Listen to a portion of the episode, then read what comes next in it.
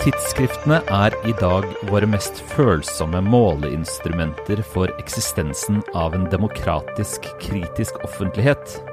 At den er truet, vet alle. Så lenge vi har tidsskriftene, kan vi likevel regne med at den ikke helt har opphørt å fungere. Dette skrev litteraturforsker Per Thomas Andersen i 1990. Spørsmålet i dag er kanskje har vi fremdeles tidsskriftene? Er det mulig å drive et tidsskrift i 2023, og er det i så fall noen som leser det? Vi tenkte vi skulle bruke denne episoden av Morgenbladets bokpodkast på å snakke om tidsskrifter. Jeg heter Bernhard Ellefsen, jeg er bokansvarlig i avisa. I den andre enden av telefonlinja har jeg kollega Olaf Haagensen, kulturjournalist. Hei, Olaf. Hei, Bernhard. Ja, eh, vi skal snakke om noe som ligger våre hjerter nært, tør jeg å si i vid form. Eh, tidsskrifter. Um, foranledningen er vel litt at jeg har um, kikket på tidsskriftet Samtiden i forrige utgave av Morgenbladet, men foranledningen er vel vel så mye at vi alltid er utrolig opptatt av uh, tidsskriftenes ve og vel.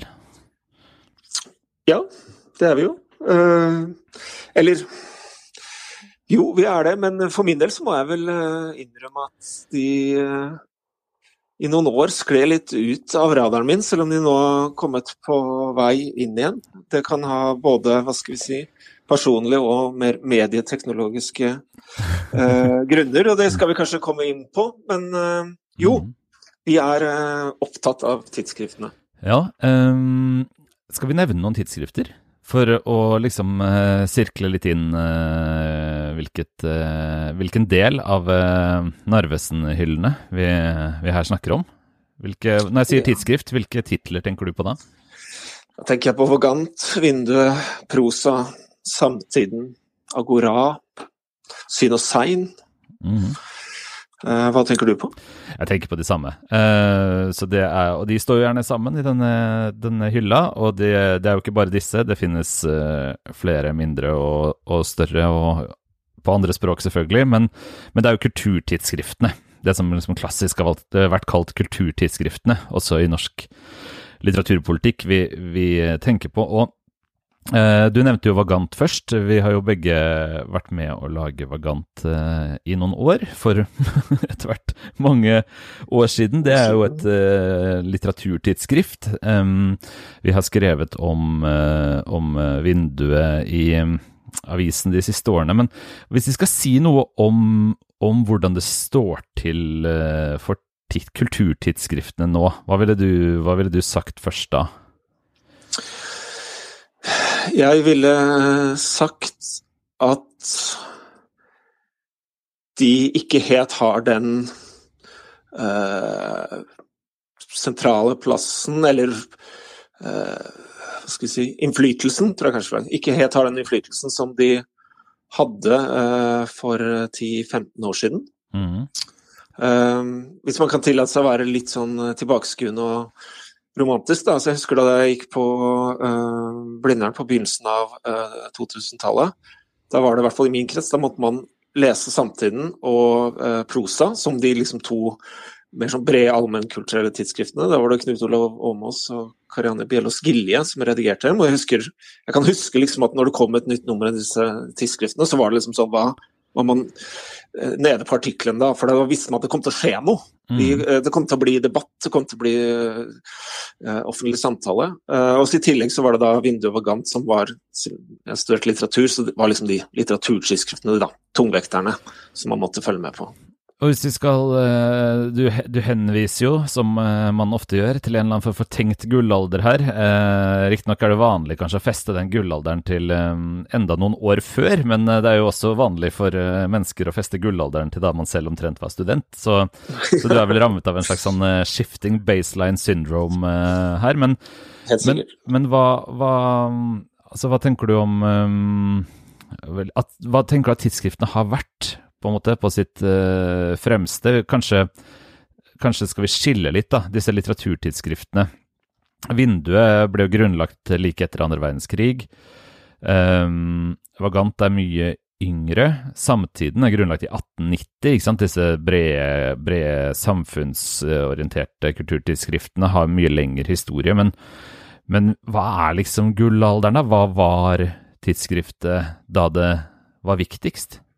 Hei, altså i, i min uh, forestillingsverden da, så er det på en måte en uh, korrektiv til den mer sånn uh, raskere dagspressen. En, en premissleverandør for debatter. altså at I liksom den optimale dynamikken så kommer det liksom noen uh, grundige, dyptpløyende artikler i tidsskriftet som da gjerne kanskje tar opp uh, noe som kan være uh, kjent, men fra et helt nytt perspektiv. eventuelt innfører en type ny kunnskap om noe man ikke snakker om, da. Og liksom endrer på måte, koordinatene for den offentlige samtalen. da. Mm. Ja, nei, jeg er enig. Altså, eh, hvis vi ser på samtiden og prøver å ta det til en litt annen tid, da, for å frikoble det fra noen av eh, de mest eh, umiddelbare trådene til, til våre egne skjevheter, så kan man se at i 1890 så, så kom jo sam tidsskriftet Samtiden inn med et helvetes smell, må man kunne si, når man ser på den første årgangen. Det er en helt ufattelig årgang. Um, der er det essays Eh, som er kanonisert i dag, eh, allerede i, i, første årgang og de første årene. Og det, det ble jo grunnlagt av eh, blant En av to var Gerhard Gran.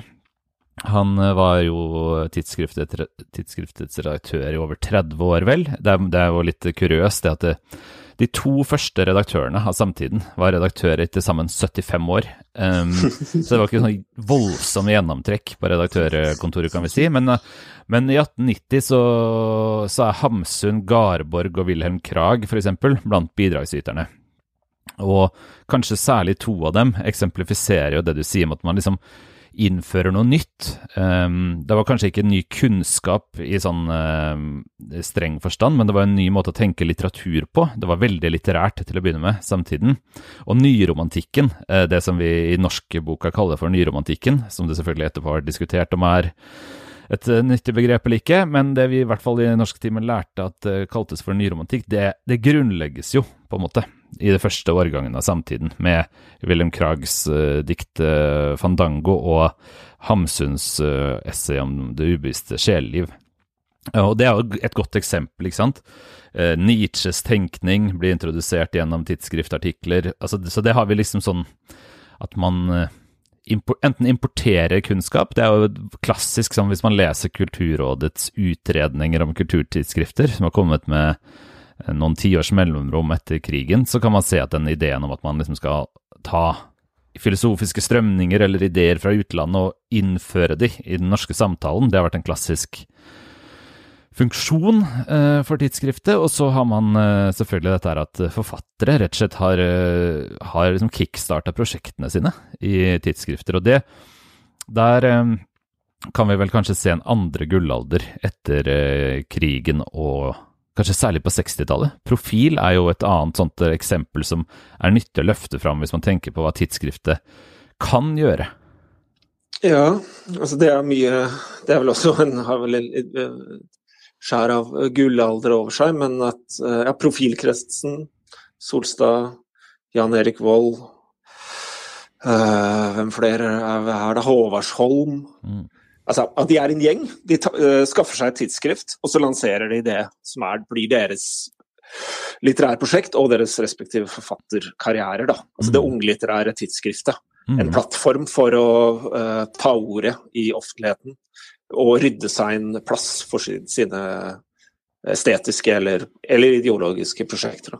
Ikke sant. Eh, dette er jo veldig godt undersøkt av uh, vår felles uh, venn, den avdøde litteraturprofessoren um, Jan Thon, som har skrevet en mm. bok om tidsskriftet forstå forståelsesformer. Den er veldig nyttig for å se på akkurat dette unglitterære siden ved tidsskrifter. Som, det er et ord som det er litt ullent hva, et unglitterært tidsskrift er, men, det, men profil er et godt eksempel hvor man liksom lanserer et estetisk program.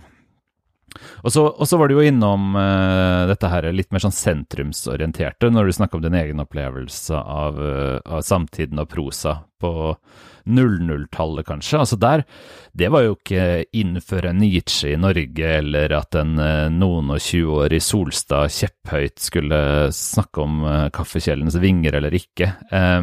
det var jo mer et sånt i sentrum, var det ikke det, av offentligheten? Altså at man, at man hadde følelsen av at det var et sted hvor samfunnsdebatten i en eller annen forstand utspilte seg i større grad? Ja, det er sånn jeg husker det. Altså en Uh, gikk inn, eller som en av de, uh, en av de artiklene jeg liksom kan huske fra den gang som vakte mye, mye oppmerksomhet, som kanskje kan fungere som eksempel. Det var den, husker du den? Aslak Nores uh, kritikk av Inga Marte Torkelsen med dette her intimitetstyranni-begrepet til Richard Sennett, er det ikke det?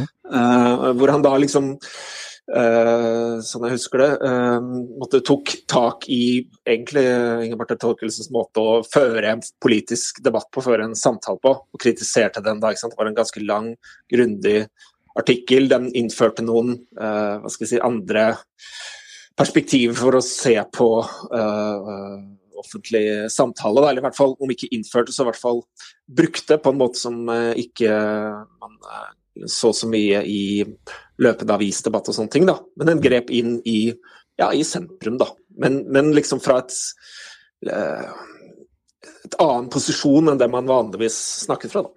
Ja, og ingen gullalder er så gyllen som man eh, husker den, eller som den fremstår i historiebøkene, men, men allikevel så tror jeg selv hvis vi korrigerer for liksom den, eh, den falske gyllenheten i enhver gullalder, så kan vi vel si at tidsskriftet har hatt en sentral posisjon i ulike perioder da, i uh, nyere norsk kulturhistorie som den ikke har nå. Hvis du skal si, altså, Hva er det som skiller tidsskriftet fra eh, dagspressen eller ukepressen eh, f.eks., så må det jo være noen sånne rent uh, materialistiske ting også. Altså at tidsskriftet kommer sjeldnere. Mye sjeldnere. Det kommer ikke hver dag og hver uke. Det kan komme Eh, tolv ganger i året, eller seks ganger i året, eller ofte, veldig ofte fire ganger i året, men i hvert fall ikke annenhver uke eller hver uke. Tekstene er lengre, eh, og at de er eh, mindre dagsaktuelle, altså mindre Eller timeaktuelle, kunne vi sagt nå. Minuttaktuelle. Mm. De, det er en eller annen form for fugleperspektiv, eller i hvert fall liksom tretopphøydeperspektiv er vel eh, nødvendig eh, for at vi skal tenke at det er tidsskrift. Er det noe annet du tenker liksom kjennetegner tidsskriftet sånn rent konkret, og skiller det fra avisa, f.eks.? Muligens uh, Muligens også liksom et uh, større vilje til å liksom innføre uh, andre mennesker i offentligheten. Altså Man kan bruke lengre tid da, på å dyrke fram en tekst, eller jobbe fram en tekst, kanskje fra mennesker som ikke uh, har uh, og, uh, jobb å skrive da, til daglig, mm. eller ikke er så vant med det. Ja, i min, i min verden så er det vel kanskje syn og sign de siste, altså etter 2000 som har utmerka seg særlig på å klare å, hente frem andre og mer overraskende stemmer. Eh, så jeg er enig i at det kan være et eh, trekk.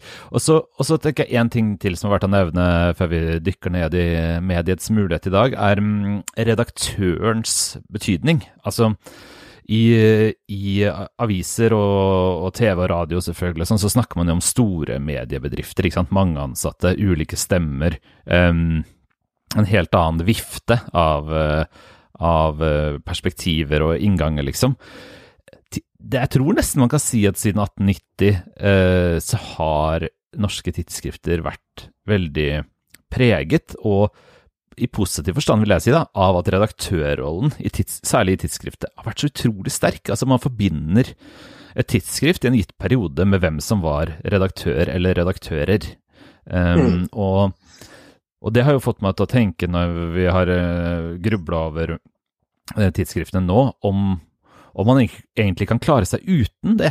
Altså om det går i det hele tatt an å ha tidsskrifter på den måten man har hatt da i 130 år, uten at man på en måte forbinder tidsskriftet med dets redaktør. Altså 75 år, da. To redaktører i samtiden på 75 år. Ja. Kirke og kultur er altså berømt for å liksom uh, ha samme redaktør i en mannsalder omtrent. Og mannsalder er ikke tilfeldig valgt, da, siden uh, særlig de første 50-60 årene av denne historien er utrolig mannstunge. Uh, men, men, det er veldig forbundet med redaktørenes prosjekter. Ja, men det trenger jo heller ikke å trenger jo heller ikke å være så lange redaktørperioder for at den effekten skal oppstå. Vinduet, eh, litteraturtidsskriftet, har jo hatt eh, veldig distinkte redaktører. altså Jan Erik Vold, Jan Kjærstad, eh, Janniken Øverland, som alle på hvert sitt vis har Uh, preget altså det, er som, det, er som, du får et nytt tidsskrift det er hvert fjerde år eller hver gang mm. åremålet går ut. Det ligger liksom i, i, uh, i uh, tidsskriftets prosjekt at det skal gjenskape seg, at det skal formes etter redaktørens vilje. Da, sånn at man snakker jo Det er vel så vanlig å snakke om liksom, som å snakke om vinduet som å snakke om kjærestas vindu, mm. eller voldsvindu. Uh, og, uh, altså tidsskriftets uh, liksom, hva skal jeg si, posisjon i um, den statlige litteratur- og mediepolitikken har vært ukomfortabel i mange tiår. Jeg leste nå om igjen jubileumsutgivelsene som kom da samtiden fylte 100 år, i 1990. Der skriver bl.a. daværende redaktør Trond Berg Eriksen om, om hvordan tidsskriftene kverner ut viktige tekster som blir for stor sirkulasjon, men uh, hvor de får altfor liten del av vederlagsmidlene, altså uh, liksom opphavsrettskompensasjonen, som bøker f.eks. har fått mye av. nå snakker man om at tidsskriftene faller mellom stoler når det gjelder statlig støtte. Så det er jo en sånn vedvarende utfordring, kan det se ut som, uh, for tidsskriftene. Det, en annen og kanskje større ting som har skjedd de siste årene, er jo likevel at de store forlagene, som har uh, stort sett holdt seg med sine tidsskrifter, noen har hatt flere, noen har kanskje hatt ett, har sendt dem ut i verden uh, på egen hånd. Tidsskriftet Vagant hørte til lenge under Cappelen Dams vinger. Uh, det gjør de ikke lenger. Uh, tidsskriftet Vinduet hører fremdeles godt uh, hjemme under Gyldendals vinger, men de finnes ikke lenger på papir. De finnes som et rent nettidsskrift. Og nevnte Samtiden. De ble solgt av Aschehoug til, til, medieselskapet Medier og Ledelse for, for et halvannet år siden, vel. Så de er liksom sendt ut i, ut i verden på egen hånd nå, tidsskriftene. Um, men så er det jo også Det er jo også en sånn mer oppmerksomhetsøkonomisk uh, utfordring, kan vi kanskje si. Uh, I forlengelsen av det vi har snakka om i de mange siste episodene av denne podkasten. Tekstene er jo lange, da. Uh, mm. Og det er ikke så mange som kanskje leser 40 siders artikler lenger. Spørsmålet blir jo liksom hva, hva nå? Er det, er det mulig å drive et tidsskrift nå og få noe i nærheten av den, eh, det gjennomslaget man har eh, hatt siden 1890? Jeg tror kanskje ikke man, eh, hvis vi prøver å holde oss til Norge, da, kanskje ikke gjennomslag på den måten man har hatt, men man kan tenke seg at tidsskriftene får gjennomslag på andre måter. Altså en, en, et, en vanskelighet da, med denne Hvis man tenker tidsskriftene som en sånn noen som uh, snakker inn i den uh, løpende uh, avisoffentligheten, da. Mm. egentlig er det at den bare går så utrolig mye kjappere nå. Mm. jeg husker, Det var jo ikke, det er ikke så mange år siden hvor en, en, en typisk sånn strategi når det kom et nytt tidsskriftnummer, var at redaktørene sørget for å Uh, lage noen forkorta uh, versjoner av noen av artiklene, uh, og få de inn som på kronikker i um, Dagbladet eller VG eller et annet. sånn at man den, sånn at de på en måte ble planta i, i avisdebatten, da. Mm. men dette var også før nett, da. Ikke sant? Sånn at den derre Eh, man leste debattsidene på papir i mye, mye større grad. Altså hvis du først liksom hadde fått, uh, fått uh, diskusjonen din inn der, så holdt den seg der en stund. Da. Men nå er jo omløpshastigheten så utrolig mye uh, kjappere. Da. Altså mm. selv, en, selv en, en, kronikk i Aftenposten er jo Det går jo åtte av dem på dagen, liksom. Altså, ja, en, en stund etter at vinduet ble lansert på nett, så fikk vi den svenske nå kulturredaktøren i Ekspressen, Viktor Malm, til å på en måte anmelde um, tidsskriftet uh, sånn som det så ut da i de første månedene uh, i sin digitale tapning. Og jeg syns, uh, Malms perspektiv føles veldig relevant å trekke frem her. Han, han likte jo tekstene godt, og hadde hatt det veldig hyggelig med å, å tilbringe tid på vinduet.no, og skrev liksom om hvordan i en så hastig og flyktig offentlighet som vi har, så er tidsskriftene mer verdifulle enn noensinne. Aldri har vi trengt eh, langsomme og, og, tenksomme og idiosynkratiske bidrag til offentligheten så mye som nå. Eh, på den andre siden så sa han at eh, i en digital eh, offentlighet som er så flyktig og hastig som den er nå, så har ikke tidsskriftene en drittsjans. Altså, det er bare sjanseløst. Så poenget ble på en måte ekstremt forenkla. At vi aldri trengte mer nå, og det kommer til å dø. Ikke sant? Um, det er jo litt defaitistisk, selvfølgelig, å bare erklære det siste, men um, det er jo likevel noe i begge deler, i hvert fall, om man ikke har helt rett. Altså, på den ene siden, da, eh, å lese en lang tidsskriftartikkel nå føles jo nesten som en slags medisin mm. mot noe. Jeg har Jeg nevnte at jeg hadde de senere årene Først så falt jeg litt ut av tidsskriftlesingen, kanskje rett og slett fordi da hadde jeg jobba i Vagant ja, sammen der, men jeg hadde jobba i Vinduet før det. Jeg hadde drevet studenttidsskrift før det igjen. sånn at uh, når du da kom inn i en sånn avis hver dag, da, så ble det liksom viktig å lese bøker. Bøkene, i, eller, bøkene tok liksom plassen til uh, tidsskriftene. Men nå har jeg uh, merket et savn, og jeg har faktisk gått til det skrittet. og Eh, og så tegne et abonnement på det amerikanske tidsskriftet N pluss One. Det er et amerikansk tidsskrift, da. Mm. Uh, og de uh, er uh, litt større enn disse norske, men ikke veldig mye større. De utgir jeg tror det bare er tre nummer i året. Og så har de en nettside, selvfølgelig. Sånn. Så dette abonnementet tegner meg. Eh, så fikk jeg full til, digital tilgang til, til eh, alt, all, all, hele back-catalogen også. Men jeg tegnet også papirabonnement, da. Mm. Så nå da er jo den situasjonen at for ikke så lenge siden så kom det med et nytt nummer. Da kunne jeg eh, lese alt uh, på nett, da. Med, en gang, sikkert for en måned siden. Men det var først forrige uke jeg fikk papirtidsskriftet. Mm. Men, og, og jeg har gått og venta og, og gleda meg. Og den opplevelsen, og liksom til og med sette meg ut noen artikler som jeg skal lese på papir.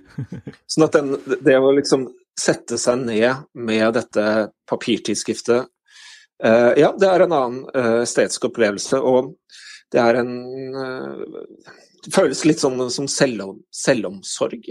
Mm.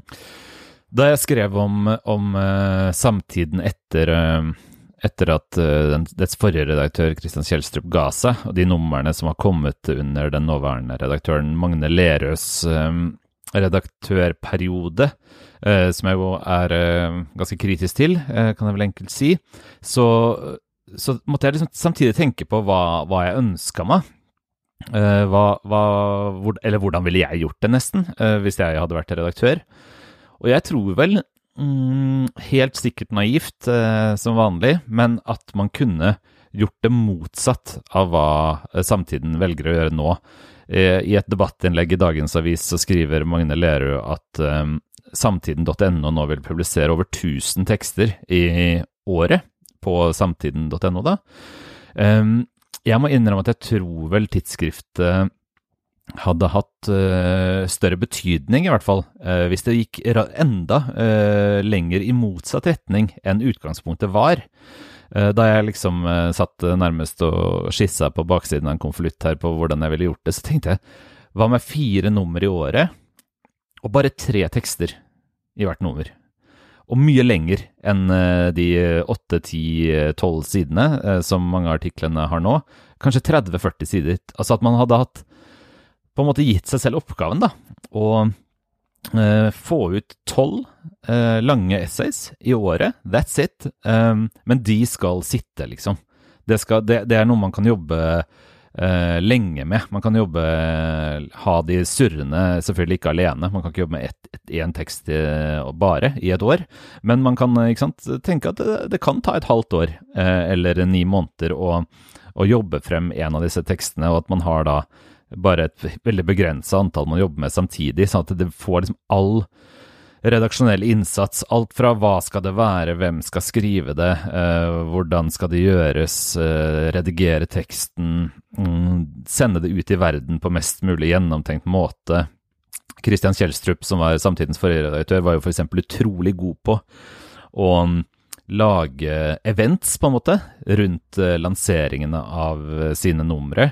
Uh, man kunne tatt det beste fra, fra Kjelstrup der, f.eks. Man, man kunne liksom virkelig gjort det omvendt, da. Ikke, jeg tror ikke noen kommer til å prøve på det, og det kan godt hende at det er lurt at jeg ikke eh, får mine baksiden av konvolutten noterte ideer eh, realisert, men, men, men, ideen er jo bare at man hadde liksom radikalisert tidsskriftets uh, form, i stedet for å gjøre det mer likt alt annet. For jeg tror vel at, at, det er mulig å sende også lange, tenksomme tekster ut i verden hvis de føles viktige.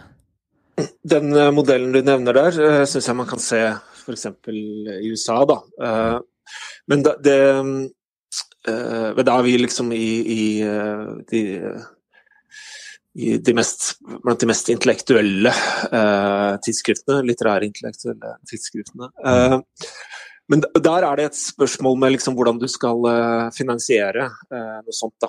Og mm. Måten det gjøres på i USA, er jo mesenvirksomhet. Da. da trenger du uh, rett og slett veldedighet. da. og til nå, eller det har kanskje, kanskje aldri vært liksom, er, Eller tidsskriftene har aldri vært noe man tjente penger på i Norge, men jeg husker da jeg jobba i vinduet, så eh, dro vi allikevel inn sånn på det beste sånn 100 130 000 i annonseinntekter på et nummer og sånn, og vi solgte litt og altså mm. Det var ikke Det var noe uh, penger der, da. Selv om selvfølgelig det gikk mye mer penger ut enn inn, da. Men den modellen du ser for deg, vil jo være en Nesten være som en sånn, uh, sånn uh, feinschmecker eh, oversatt serie, eller mm. sånt. Eh, sånn som man har hatt i norske forlag. Da. Det er jo helt tydelig på de som arbeider med tidsskrift, enten det er eh, Audun Lindholm, redaktør i Vagant, som er veldig aktiv og, mm, og heroisk i, i, denne diskusjonen, eller, eh, eller nevnte Magne Lerøe også, som er veldig opptatt av vilkårene, eller Christian Kjelstrup, som snakket mye om, om hvor vanskelig det var da han ga seg i eh, samtiden. Det er jo spørsmål om hvem som skal betale, likevel, som du sier. Um, og kanskje kunne man jo håpe at uh, en mer sånn At det tiltrakk seg andre typer inntekter, da, å ha Uh, ha disse tekstene som var lange og som man, noen føler at de må lese. Men det er jo Det skjer jo ikke over natta. Så noen må betale. Uh, hva tenker du? Er det liksom Bør for, norske forlag, som er store og omsetter for et sted mellom 500 eh, millioner og 2 milliarder, rett og slett ta seg råd til å holde seg med hvert sitt uh, tidsskrift. Det er jo også snakk om uh, utvikling av uh, forfattere der. Altså at disse forlagene kan se i tidsskriftene hvem som er lovende skribenter og kan tenkes å skrive den neste havboka eller eller lignende. Eh, eller, eller, er det liksom statens oppgave å finansiere det gjennom eh, støtte, eller burde vi skjerpe oss og bare tegne flere abonnementer? Ehm, hvem skal betale? Da er mitt salomonske svar alt det du nevner, Bernhard Ellefsen. Ja, men altså, for det, mm. jeg tror for det første da, at uh, hvis du vil ha en tidsskriftoffentlighet i Norge, akkurat som hvis du vil ha en avisoffentlighet som ikke er ren kommersiell, så må uh, staten uh, støtte det. Da. Så da må man først bestemme seg for om man vil ha det eller ikke. Og så syns jeg at det samarbeidet med, eller den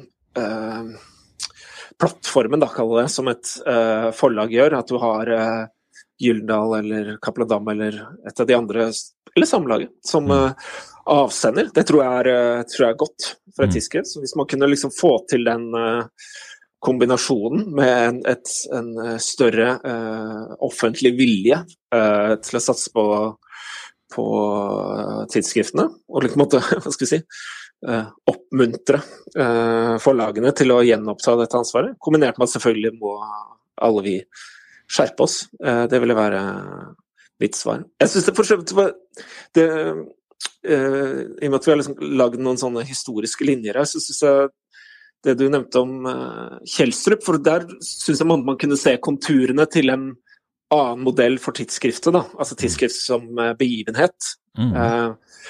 han lagde jo f.eks. et nummer om uh, Koranen, ikke sant. Og så uh, smelte han opp en bokhandel hvor du kunne kjøpe Koranen på bare Koranen på Jungstorget. Youngstorget, da. Da ble det vært nummer Ja, en begivenhet, en happening, en event. kanskje mer enn at det ble en sånn, en sånn intervensjon i liksom den offentlige diskusjonen, da. Mm. Ja, jeg tror også den både nære og fjerne tidsskriftshistorien byr på noen muligheter. Selv om man ikke kan bare kopiere gamle dager, så kan enkeltideer eh, oversettes til 2023-sk på en måte, mm. og det kan funke. Jeg tror eh, den koransjappa ble løftet inn på Youngstorget med koranbil. Skriver Christian Kjelstrup et sted, med et sedvanlig ordspill. Ja, eh, abonner på et eh, tidsskrift. Det må vi si. Gjør det. Eh, ja, det eller flere. Eller flere. Mm. Um, tekster om både vinduets uh, digitale variant og samtiden nå, og um, Magne Lerøs kommentar til vår tekst om samtiden forrige uke, og en rekke andre artikler må vi kunne si, om uh, tidsskrifter og tidsskriftpolitikk kan finnes på morgenbladet.no, hvor man også kan abonnere på avisa. Det håper vi også du vil gjøre, men denne gangen sender vi nesten den varmeste anbefaling til tidsskriftabonnement. Det gjør vi. Ja. Eh, vi snakkes igjen eh, neste uke, Olaf. Takk for eh, praten. Selv takk.